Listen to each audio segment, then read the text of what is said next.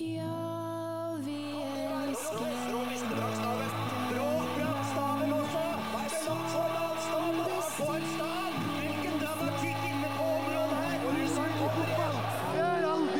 utrolig! Vi har slått England! England! Kjempers fødeland! Vi har slått dem alle sammen! Har ti sekunder på slåttiden til Bjørn Dæhlie. Han virker helt uberørt. Og Thomas Alsgaard Her hører vi Ja, vi elsker, Brå som brekker staven, Holmenkollen-brølet, Norge slår England og Alsgaard som vinner tremila på Lillehammer. Alt på én gang. Det handler om følelsen av å være norsk. Ja, de gangene folk løper ut av hjemmene sine og feirer Norge, sammen, med flagg, sanger, korps, heiarop, aktiviteter og moro. Hvor stor betydning har idrett for følelsen av å være norsk?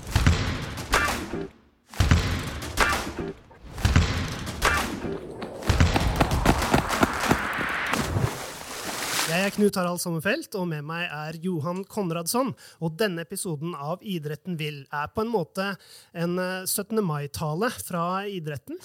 Vi skal finne ut hvor mye idrett har betydd for følelsen av eh, å være norsk, eller hva, Johan?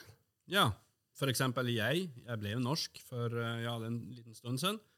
Og da fikk jeg med meg på kjøpet en bok som det var obligatorisk å lese. Da, og da slo jeg naturligvis fort opp hvordan eh, er det å være norsk. Og jeg kom fram til ja, 17. mai. Jeg kom fram til idrett og friluftsliv. Og der i sto det, og dette er da en bok som er utgitt av Kunnskapsdepartementet, at 80% av norske kvinner og menn blir stolte når nordmenn gjør det godt i idretten internasjonalt. Og 50% syns at idrett det er noe som er det norske. Mens andre områder, da, som økonomi, demokrati, menneskerettigheter eller noe annet, det, det kom opp i 20% Så idrett er viktig. Og i studio i dag så har vi jo norsk forfatter og folkeminnegransker Tor Gotaas som gjest. Velkommen, Tor. Takk skal du ha. Vi skal også snakke med lederen av 17. mai-komiteen, Sara Lilleberg Safavifard, og Hedda Løkken, som har skrevet masteroppgave om norskhet, identitet og hudfargens betydning, om hva idretten har gjort for å føle seg norsk. Eh, og, og Tor, eh, du føler deg norsk. Ja. Er det, når vi snakker om norsk identitet, er en av grunnene til at vi egentlig har deg her i dag, da, det er jo at du er den som for meg i hvert fall framstår som en som kan lukte og smake på norske historier, lokalt engasjement rundt omkring i, eh, i Norge. Er du litt sånn nasjonalromantiker av deg? Jeg er jo født i 1965, vokste opp med idrett, med å gå på ski til skolen. og Norge som nasjon ble jo fritt selvstendig i 1905. Gikk på ski ut av unionen. Det var Nansen, Amundsen, andre polfarere. og Skisporten var viktig da. og Idretten i Norge har vært samlende. De hadde NRK som en statskanal som samla folk foran radioen, foran TV-en. så jeg er jo et produkt av den verdenen der, og media har vært viktig og er viktig for å samle folk. og Det er jo på nasjonalt plan, mens du har lokalplan, så er det det å delta både i dugnad og være med sjøl og se på idrett som er viktig. og Jeg er en del av den tradisjonen der, ja. Ja, ja for du er jo med på liksom å, å eh, samle inn historier og, og lokale skildringer som bergtar oss. Eh, og ja, vi er litt inne på hva, hva er nasjonalt, hva er liksom Norges første nasjonale gjennombrudd sånn uh, idrettssida? Det spørs hvem du spør, for at uh, Sentralforeningen for legemiddelkjøps- og våpenbruk ble stifta i 1861 med tanke på å lære opp skiløpere og skyttere for å løsrive oss fra unionen med Sverige. Så det var jo skiløping allerede på 1860-tallet. Og det var jo ikke moderne idrett i den forstand, men eh, så har du OL som kom fra 1896 med sommer-OL, og vinter-OL for 24. Men eh, vi kan vel kanskje si at vinter-OL i 1924 er et slags gjennombrudd, for da tok Norge gull. Det var liten konkurranse, få land som deltok. Norge hadde store fordeler som et vinterland. så vi kan kanskje si at det er 24. Noen vil si at det er um, andre OL før der, men hvis vi tar OL, så, og det er jo snart 100 år siden, 24, 99 år i, i år. Ja. Og det står jo ikke noe om idrett i Grunnloven, men eh, når var det liksom skiidretten ble en del av det å føle seg norsk? Var det når Nansen gikk over Grønland, eller, og den oppmerksomheten det fikk? Jeg tror Nansens bok i 1889 kom vel boka, han gikk på ski over Grønland i 88, og den var viktig, og det var kanskje borgerskapet og de som leste bøker som syntes det her var artigst. Det ble spredd ovenfra og ned, og det ble starta masse klubber rundt omkring i landet. Ungdomslag, idrettslag, idrettsklubber, skiklubber, skytterlag. Så det starta sentralt, men det spredde seg utover lokalt. Og det var veldig viktig for folk å være en del av dette. her. F.eks. hoppsporten, som jeg skrev en bok om i fjor, eh, norske hoppbakker, var ekstremt viktig om vinteren. Og fotball etter hvert, friidrett om sommeren. Så, og særlig mellomkrigstid er et gjennombruddsperiode hvor arbeideridretten var stor, og folket ble med mer idrett på enda bredere basis enn før. Altså Det begynte gjerne blant eh, eliten, så kan vi si sosial elite. Og så spredde det seg nedover til folket. og når vi kom på 30-tallet, så, så var idretten en massebevegelse, for da hadde jo radioen sendinger, avisene skrev om det. så Da begynte media å dekke det bredt, for i begynnelsen var media skeptisk til idrett, for det var en litt tullete ungdomsaktivitet. Men så skjønte jeg at det var bra for folkehelse, bra for samhold, bra for veldig mye. lokalt og nasjonalt. Ja, og du, du sier noe om at det liksom spredte seg fra topp og down, eh, men, og, og det kan man kanskje si altså, for, eksempel Husebyrennet var jo gigantisk på en, på en tid, var det ikke det? Det ble startet i 1879, og idretten var jo egentlig noe gammelt. for at Hvis du går tilbake til vikingtida, drev jo folk med idrett, men organisert idrett som vi snakker om her nå, det starta altså fra 1860-tallet utover. Det var en turnforening som starta i 1850-åra, tyske håndverksvenner. Men idretten som kappedyst mellom gutter og menn, særlig nå mellom kvinner, er jo mye eldre enn 1860-åra. Så det var det her å kappes, eh, hoppe lengst, kjøre utover den bratteste bakken, hoppe langt. Så idretten som idé er jo urgammal eh, og går langt tilbake, men da ble den organisert eh, først altså som jeg sa, mellom lokale ski- og skytterlag, og så gjennom sentrale forbund, og så gjennom politisk bevegelse, bl.a. i mellomkrigstida med Arbeiderpartiet. Så idretten ble politisk da. og det, ble, eh, det kom også en lov i 1869 tror jeg det var, hvor det var lov om gymnastikk i skolen. Så det ble, det ble, det ble fysisk fostring ble viktig. så det var, det var mange ting her som spilte inn. og og i, Grunnideen var vel det at eh, folk skulle drive idrett frivillig, og det skulle være morsomt og samtidig ha en sunn effekt av det. Du snakker om skihopping. Altså, at det er kanskje det man kan kalle eh, den idretten som ble funnet opp i Norge? Er det, er, det, er det, riktig? Jeg tror det er umulig å argumentere mot. Skihopping er en norsk oppfinnelse, ganske sikkert fra Telemark.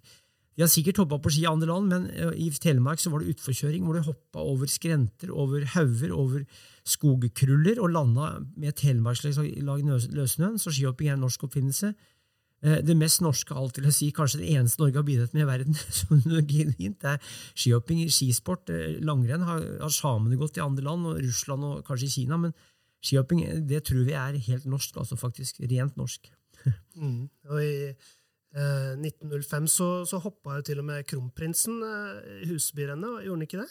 Eh, kong Olav, eller kong kronprins eh, Olav, som var født i 1903, han var med i Holmenkollen i 23, var det ikke 23 Han var med i hovedlandsrennet i 23, altså NM, da, nede i Songebakken i Risør. Så han var ikke med i 05, men øh, faren Håkon delte ut den første kongepokalen i 1906 i Rokokoshallen på Grang. Da var det som het Johannes Grini fra Veldre som fikk den første kongepokalen delt ut av kong Haakon. Det var kong Oskar 2. som han delte ut før, men kongen var en viktig person på skirenn, skøyteløp og faktisk fotballkamper og friidrett òg, så kongen var til stede i idretten. Eh, for eksempel Holmenkollen begynte rennet ikke før kongen kom. kongen kom. Det var kongesangen, og det var etter kirketid. Så kirketid skulle unnagjøres. Så kom kongen på store skirenn, store fotballkamper, store friidrettsstevner. Så kongefamilien var viktig, og den var jo Kongen var jo fra Danmark, han het jo prins Carl, og kona var fra England, Maud. Så de var innvandrere og ble konger og dronning av Norge. og du, du nevner Oskar 2., han var jo svensk, da, og, og innførte kongepokalen. Var det en måte for å bli populær? Kong Oskar han likte Norge, han likte å være på skirenn, han var på Husbyrennet. og Kong Oskar var tror jeg, ganske populær i Norge, faktisk, blant folk i hvert fall. og Han, han, han var i flere hopprenn. og han innførte kongepokalen, altså en pokal fra kongen som kongen satte opp, og som kongen delte ut. Så kongen hadde òg en betydning da vi var i union med Sverige. Og jeg vet ikke hvor mye folk var imot unionen, men det var en del politiske personer som ville at Norge skulle bli selvstendig, og sånn ble det jo. Mm. Heldigvis. Hvilke andre på en måte, begivenheter har bidratt til at idrett og prestasjoner eh, har påvirka oss nordmenn? Nansen til eh, Sydpolen. Nei, unnskyld, Amundsen, Amundsen til Sydpolen, Nansen på Grønland. og Amundsen Nansen hadde jo flere ekspedisjoner, men Amundsen på, på, på, Sydpolen var viktig for det, det flagget der hvor gutta står med det norske flagget, like etter at unionen er oppløst. Det er viktig som et symbol, tror jeg. Og, og så har du jo, du har jo, hvis du går, skrur tilbake, da, for til 1920, har det som het Helge Løvland, som tok gull i tikamp. Du har OL i 1952 i, i Oslo med ny verdensrekord på hopprenn i antall tilskuere på et idrettsarrangement. Kanskje bare slått av en fotballkamp i Brasil mellom jeg lurer på om det var Brasil og Uruguay. Men i hvert fall på vinteren så, eh, så var det VM i 1966, altså store mesterskap. I tillegg til cupfinalen var viktig for å feire fotballsporten. Så cupfinalen var en samlende faktor. Holmenkollrennet, Holmenkollbakken, det første rennet der var i 1892. Da var det Husbyrennet som var flytta opp fra Husbybakken, men 93, fra 93 til Holmkollrennet. Så Holmkollrennet, cupfinalen, Nansen, Amundsen, Torleif Haug med tre gull i 1924, og den voldsomme oppblomstringa av idretten som breddeaktivitet på 30-tallet var viktig. Mm. Eh, du skriver og, ja. Og, og krigen var det òg, for da var det en boikott mot idretten. Tyskere og NS ville innføre nazifisert idrett, og da boikotta norske idrettsfolk det i 1941 i januar. Og det oppsto illegal idrett. Og den symbolske motstanden det fikk, var viktig, for da freden kom i 1945, så var det en enorm oppblomstring og en enorm interesse for idrett, både å drive og se på idrett. Så etterkrigsåra var idrettsinteressen enorm. I tillegg hadde NRK veldig bra dekning på radio fram til, til TV-en begynte å sende eh, fra august 1960. Da ble TV en faktor òg, ikke bare radio. Mhm. Så TV-en bidro eh, ekstremt mye, regner jeg med, på den tida der. Radio, I begynnelsen satt jo 30-40 personer samla rundt det samme radioapparatet eller krystallapparatet. Det var på kafeer og i privathus, og TV-en var ekstremt viktig. Eh, fra 60-tallet da sank kanskje tilskuertallet på en del arrangementer, men folk satt hjemme og så, så det var totalt sett flere som så på. Så media er viktig her. Radio begynte på 20-tallet, og TV-en på 60-tallet. Mm. Men eh, litt om, om, ditt forfatterskap. altså du har eh, kan du trekke frem et par, par av de eh, bøkene dine som forteller hva som er liksom det mest norske? Er det historien om eh, to kulestøter fra Finnmark, eller er det historien om skybygda, skibygda Trysil, slit og glede? Jeg vil jo si at Femmila, som kom i 2013, det er en veldig typisk norsk historie. For at Femmila er jo oppsto i 1888 fra Majorstad og verdens første femmil. og Langrennssporten som vi kjenner her i dag, er jo en norsk oppfinnelse. Selv om det andre har holdt på med så er den organisert på den måten i Norge. Så Femmila med å gå 50 km på ski i Nordmarka, intervallstart, to runder. Matstasjon med koteletter og, og, og, vann og saft, eller sukkervann og vørterøl på matstasjonen. Det, det, er noe veldig norsk, det å stå i skogen. Men nå det å hoppe på ski, som jeg sa, og bygge hoppbakker og bruke all tid på Folk jobba seks dager i uka, sju dager i uka, så bygde de hoppbakker om kvelden. De hang i, hang i, hang i stillaset og snekra med topplue, eh, karer. Så, så det, det var, det der, skisporten er jo typisk norsk. Eh, men det er klart, hvis du kommer videre utover 1900-tallet, så er jo fotballsporten og andre idretter like typisk. Men det som skiller oss eh, fra andre land, er at eh, skisporten har vært ekstremt populær, og er veldig populær, og har vært samlende. Noe så, noe så sært som å hoppe på ski en bakke eller gå på ski en runde i skogen. Det, det har vært samlende på ulike måter for, for nordmenn, og er det fortsatt. Mm. På en merkelig, men veldig artig måte, syns jeg. Ja, det er vel eh, på en måte et dødsønske, det der å hoppe høyt og lande med ski på beina. Ja, og, og snø er jo magisk. Det er jo, det er jo, regn er jo regn, men snø er snø. Det er hvitt. Hvitt er håpets farge. Det er mer oksygen i kald luft. Og hoppe på ski så er det, det er en slags 17. mai om vinteren. Eh, hoppbakken var 17. Mai, hopp, Det store hopprennet var vinteren 17. mai. Det var gladiatorvirksomhet. Det var de tøffeste gutta som, som, som hoppa, og damene syntes gutta var kjekke med bakoversveis og V-genser og fin stil, fin trikot, som jeg sier, fine strekkbukser som blafra i lufta, så du hørte nedslaget. Uh. Så det var et eller annet med skihopping som var stilig, og langrenn der var det seighet. så Motet og stiligheten og uh, galskapen i skihopping og seigheten i langrenn Hvis du fikk de to, som var skisport, så fikk du etter hvert alpint òg.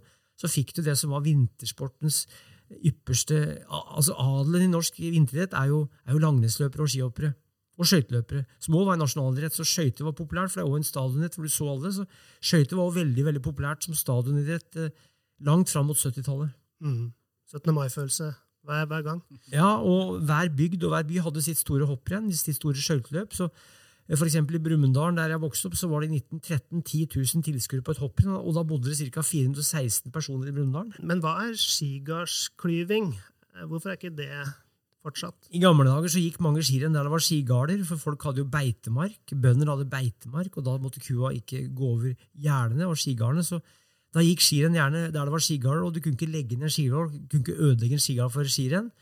Og, og ski, ordet ski betyr faktisk et trestykke, så egentlig heter det et ski.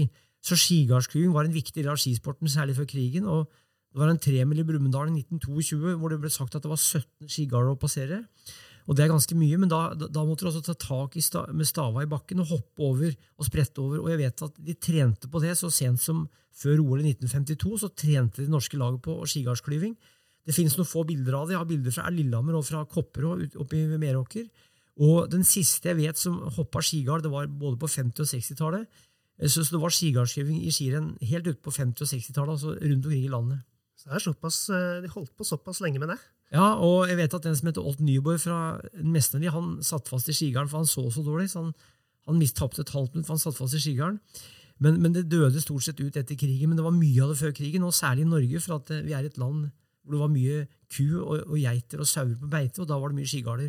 Og skirenn gikk jo gjerne der folk bodde, eller der folk eh, dyrka jorda. Det gikk jo fra, fra bygda og rundt omkring.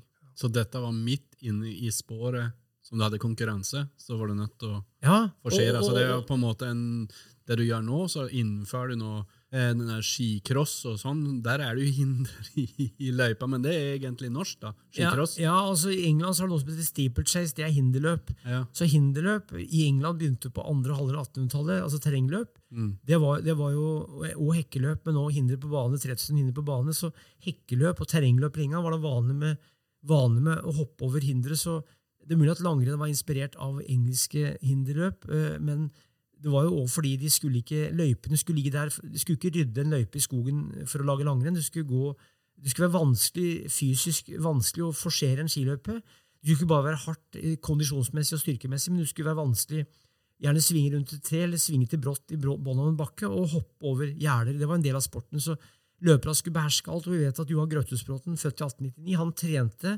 med å løpe fort nedover i, i tett skog. For det, det, det, Da lærte han seg å svinge rundt trestammer, for det var vanskelig å svinge rundt trestammer på ski. og Det måtte røre av i løypene, for det gikk jo vilt i skogen. Før, eh, før, og da var det ikke flathogst, det var plukkhogst. Så det var skog overalt. så Skogen var en, en, en, skulle bestå av hindre, bl.a. skigarder hvor det var beitemark. Ja, Så du kan egentlig bare løpe rett inn i en furuskog, og så fikk du god trening? Eh, Ja, eh, Grøtesbråten han gikk skigang med kraftig armsving på vei, og så løp han i skogen. Det er fantastisk. Det er, vak det er noe vakkert med det. Eh, altså, mens Norge tok, eh, I Norge så tok jo liksom helter og, og idrettsprestasjoner plassen.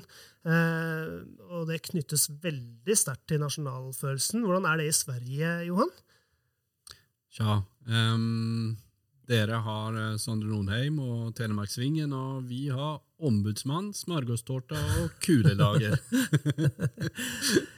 Du må huske på at I Norge så var det de beste i idrett, for å ta skidrett da var skøyteløp, ofte var fattige gutter.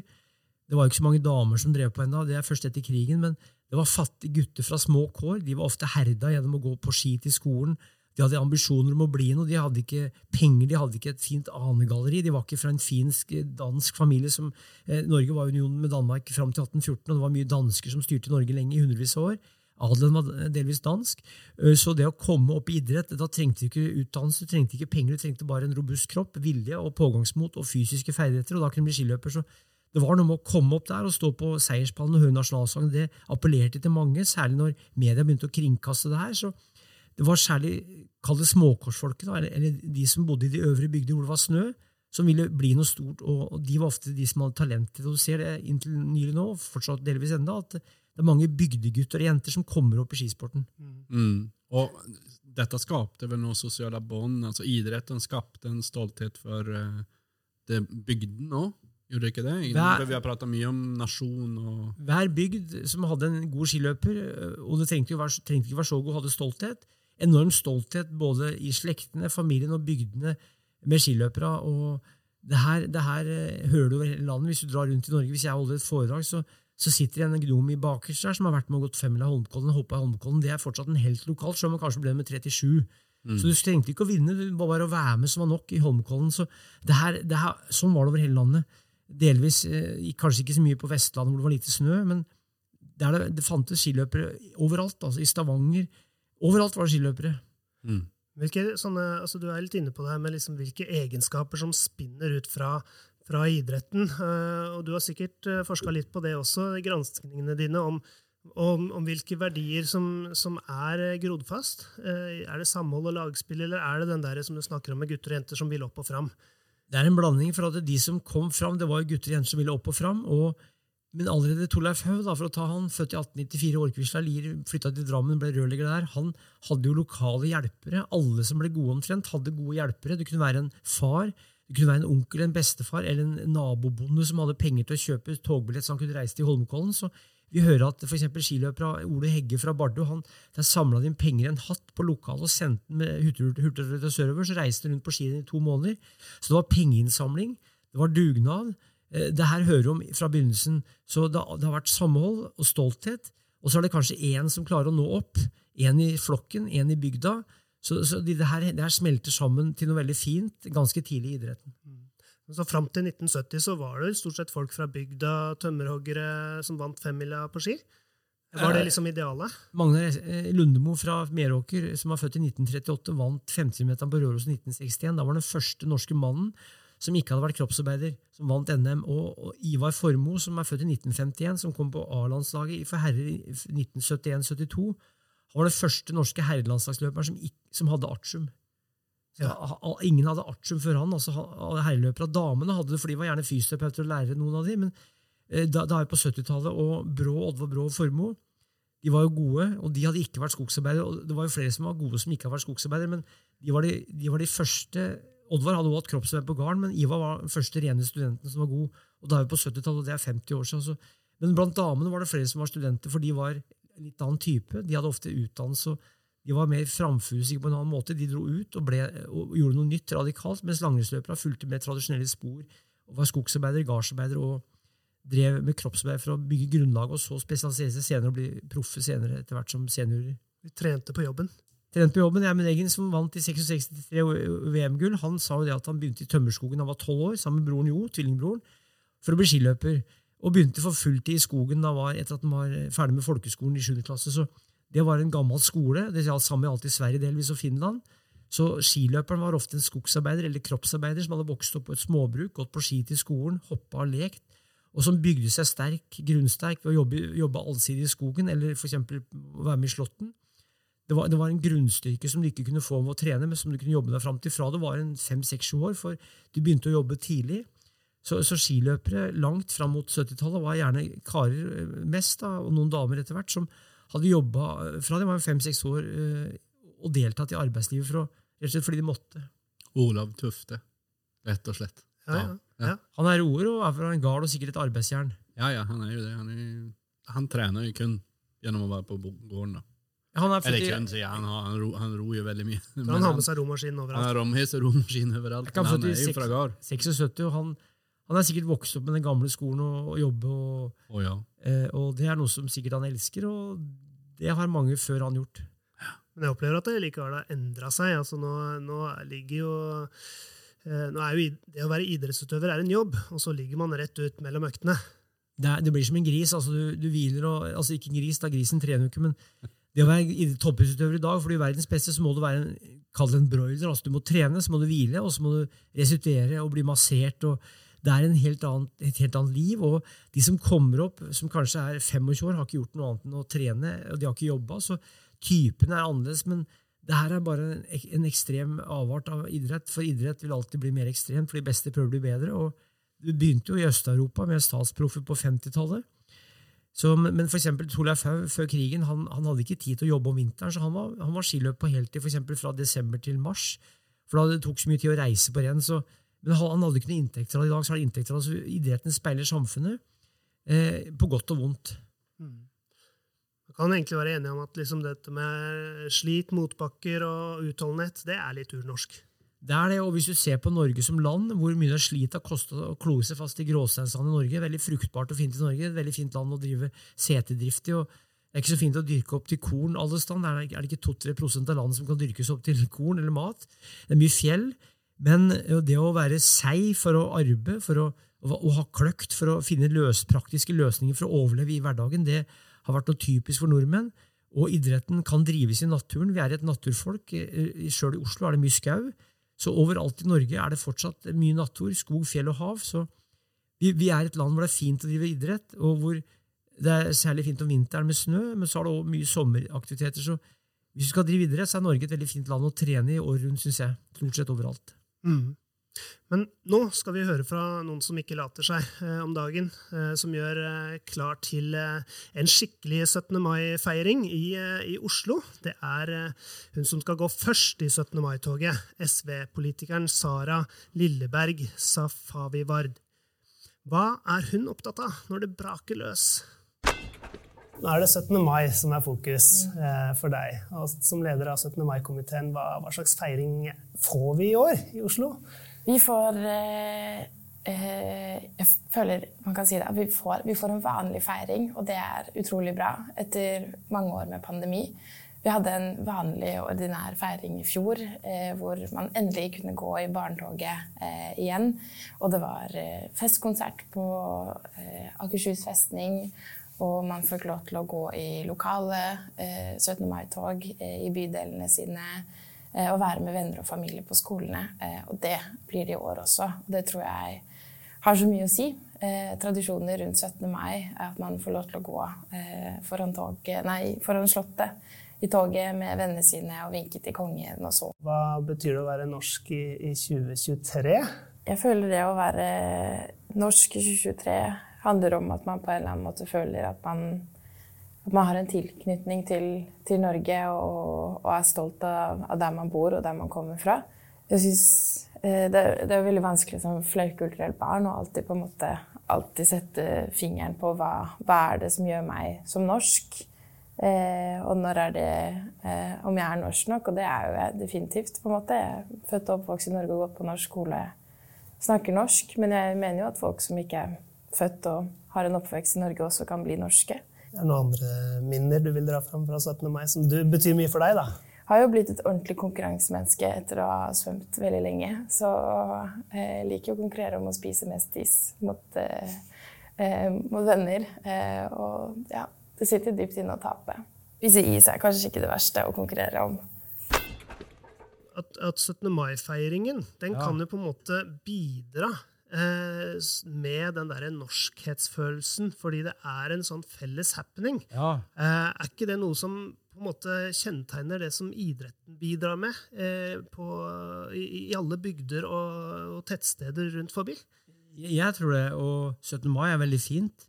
Jeg likte det ikke sjøl, for jeg måtte gå i tog og ha fine klær. og Det likte jeg ikke, så jeg, så jeg skulka ut et par av de seks skoletogene jeg skulle gått i. Men jeg liker jo 17. mai. Og jeg tror mange utlendinger som er i Norge som kanskje turister en dag, eller som kommer hit, de, de syns det er en fin dag. For den er jo en fredelig. I Russland så er det jo tanks og våpen på, 17, på nasjonaldagen. I, I mange land er det det, mens i Norge er det barnetog. Så det, synes jeg, det er veldig fredelig.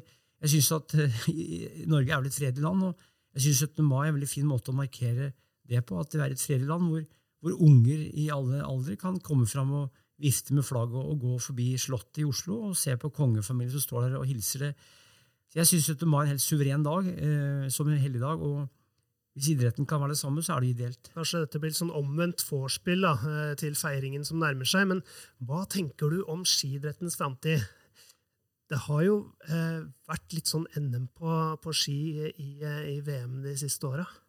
Altså, alpint, hopp, langrenn og kombinert er små idretter. Det er ikke så mange land som driver alpint, som mange tror.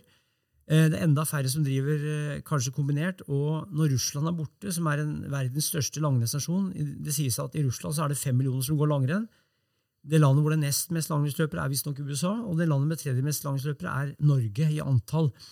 Så når Russland er borte, pga. at han, Putin styrer, så, så vil jo sporten krympe. og det er mindre doping i langrenn. Derfor er en del utenlandske nasjoner ikke så gode, sånn som de var på 90-tallet med Østerrike, Italia, eh, andre land hvor det var doping. Så det er jo det, det svinger. Hvis du ser historisk, så heter det jo nordiske grener for å ta langrenn kombinerte hopp. Så det heter nordiske grener, så det er ikke så rart om Norden dominerer.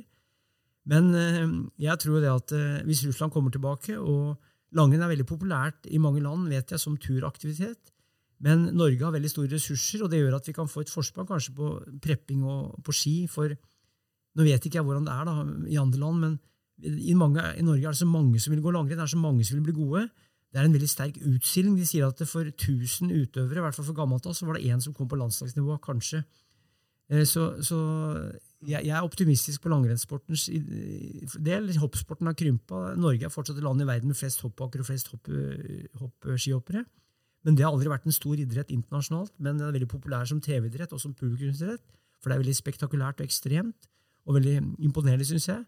Så jeg er optimistisk på skisportens vegne, men den speiler samfunnet. Og langrenn vil overleve fordi det er en turaktivitet i tillegg. Hoppsporten vil overleve fordi det er spektakulært, og alpint overlever fordi det er knytta delvis til turisme. Så jeg er optimist, jeg. Men er det da noe som kan eh, på en måte på sikt erstatte eh, ski som Norges nasjonalidrett? Nå har vi masse gode friidrettsutøvere, blant annet, eh, som, som er helt i toppen i, i en verdensidrett. Altså, Jeg har jo skjønt at langrenn eller skisport er definert som nasjonalsport, sammen med skøytesport. Så jeg ser ikke noen grunn til å erstatte det, i hvert fall ikke med det første. Mens frihet er jo en idrett som oppsto i antikken, delvis, og er promotert i England på andre halvdel av 1800-tallet. Så det er mer en engelsk eh, idrett eh, som har blitt importert hit, mens vi har importert skisporten, eller eksportert blir det da, skisporten. Så jeg tenker at eh, skisport og skøyter det kan få bli norske nasjonalidretter så lenge som mulig. så lenge som mulig. Vi har eh, vært i eh, samtale med en som heter Hedda Løkken, som har skrevet en masteroppgave om norskhet, identitet og hudfargens betydning. Det er jo veldig mange måter å passe inn eller ikke inn i et norskhetsbegrep, men mye av de på en måte litt klassiske norske tingene som man kanskje trekker frem, og som ja, skigåing, 17. mai, eh, være på hyttetur, de type ting, eh, kan vekke følelser kanskje både av fellesskap, men også litt sånn ekskludering. At man kanskje stiller spørsmål ved om man passer inn i det begrepet, eh, f.eks. Og at det kan ha med utseende å gjøre. At man da får spørsmål som 'Hvor er du egentlig fra?' eller eh, Det var noen av de jeg snakka med, som sa f.eks. at ja, hvis man går på ski, så ser man ingen som man føler ligner på de Eh, og, og, eller at man får spørsmål eller føler man får blikk fordi det oppleves som uvant. Selv om man sjøl egentlig ja, ser på seg sjøl som norsk, og derfor hvorfor skal man ikke gå på ski? Men så har man noen kanskje en litt feilaktig idé om at Norge er et veldig homogent samfunn som alltid har vært likt. Men man har jo hatt eh, på en måte innvandring og altså alle typer, og man har jo forskjellige folkeslag i Norge også, eh, og har hatt det lenge. Så, så den ideen om at eh, det norske er liksom så, så statisk, da, er jo tenker jeg er litt feil. Idrett som breddeidrett, f.eks., har jo vel et enormt potensial egentlig for inkludering. Eh, I hvert fall de type idrettene som er litt lett tilgjengelig, at man ikke trenger så mye utstyr, eh, at det er lett å være med, man kan kanskje spille på en lekeplass eller sant. At det, det det er lav terskel å hive seg med. Det har egentlig ikke noe å si hvordan bakgrunn du har, eller om du kan språk så godt. Ja, Hvis du spør en eh, utlending hva som er norsk, så sier man eh, lefse, lutefisk, 17. mai eller dugnad. Hva tenker du om dugnad som det absolutt eh, norske?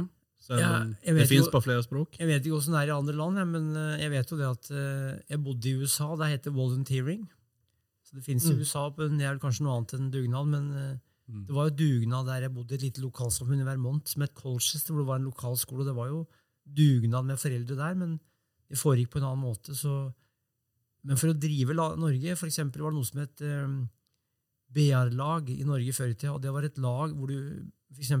gårder eller småbruk eller husmannsplasser, hvor du, hvor du, ba de som bodde i BR-laget til fest eller moro. Mm. Og det samme BR-laget kunne være de som hjalp til hvis for eksempel, det skjedde noe hvis huset brant på en gard. Mm. Så kunne folk bygge opp det sammen. så det her å bo i bygder, men samtidig ha, ha ulike altså en, enstaka, enstaka en, enslige boligplasser i en bygd. Ikke så mye landsbykultur i Norge, men byer, noen få byer og en del bygder. så var det viktig med samhold, og da var dugnad, fysiske dugnader, altså arbeidskraft sammen, var viktig. Så det er noe som går langt tilbake, at du var med og høsta sammen. Det finner du i mange land, men det har blitt overført i idretten i Norge gjennom veldig mange klubber. for I mange land så er idretten mer eh, sentrert rundt skolesystemer, skoler, og i Norge så har du klubbsystemet, så det gjør at dugnaden har vært viktig i Norge. og jeg syns det er veldig positivt, for jeg vokste opp i en skiklubb Veldre og i fotballklubb Brumunddal, hvor det var og er enormt mye dugnad. Det har vært i alle år. Mm. Det, det, er veldig bra for samhold og bra for å Det er rett og slett veldig bra. altså. Har, har har konseptet dugnad endra seg over tid, liksom? Jeg tror nok det, men hvis du ser på idretten på lokalplan, og går til historien, så ser du det at det, i alle klubber omtrent, så er det ofte noen, det kan være én ildsjel som får med seg flere, eller en kjerne av ildsjeler. Eh, og for eksempel hopprenn. Det kunne være 300 som var med og arrangerte et hopprenn. Den kulturen er ikke helt borte, men delvis borte. Så, så ulike idretter har overtatt, og dugnaden eksisterer. Men i dag så har vi jo internett, vi har mobiltelefoner, så i dag kan vi spre dugnadsånd og dugnadsbeskjeder per nettet. Så teknologien gjør at du kan nå flere. Og de klubba som er flinke i dag, jo, der går det jo masse meldinger på, på, på nettet og på telefoner. Så, så kommunikasjonen har gjort at det er lettere å få tak i folk. Men i dag er det mange som er busy og jobber. Ofte har både mann og kone travle jobber. Så de som driver dugnad, de er jo veldig bra personer. og jeg, beundrer mange dugnads... Jeg har skrevet flere bøker om idrettslag og beundrer jo folk som driver dugnad. og det, det er noen som er så viktig at du kan ikke få sagt det. Det gjelder jo både nasjonalt og internasjonalt. Eh, De har hatt virkning nasjonalt og internasjonalt. Hvis du går til historien, så er det mange eksempler på det at folk som har brukt livet sitt på å jobbe gratis. eh, Kommer idrettsmodellen til å være dugnadsbasert i framtida? Jeg håper det, for at det dugnad er veldig bra. Og jeg tror ikke dugnad bare er spesielt for Norge, men her har dugnadsånden vært sterk. Så jeg tror det at eh, idretten må nesten ha dugnadsånd for å overleve i et land med så lite folk som Norge, hvor det er så mange idrettslag som er så små. Så jeg, jeg tror det faktisk at dugnadsånden vil overleve, ja. Herlig. Du, nå har vi snakka om 17. mai, nasjonalisme og idrett. Og eh, vi regner med at eh, innen utgangen av dette året her, så har du skrevet en bok med den eh, tittelen. Det har vært en ære å ha deg i studio, Tor. Og du er jo et opphav av, av historier og temaer som idrettsinteresserte mennesker, og folk flest, er interessert i, og får liksom ja, norskhet til nye høyder. Så tusen takk. Jeg har intervjua ca. 2000 personer de siste 35 åra, så mye av det jeg har, som kommer ut av kjeften min, har jeg hørt fra andre. Ja, ikke sant? Men det er jo, da er det viktig å ha deg. Takk skal du ha. og reflektere litt over betydningen av eh, norsk idrett som vi har, og norsk kultur i denne episoden. Da. Og ja. håper at det kan bidra til å styrke vårt samfunn. Tusen takk for nå. Vi høres. Vi høres.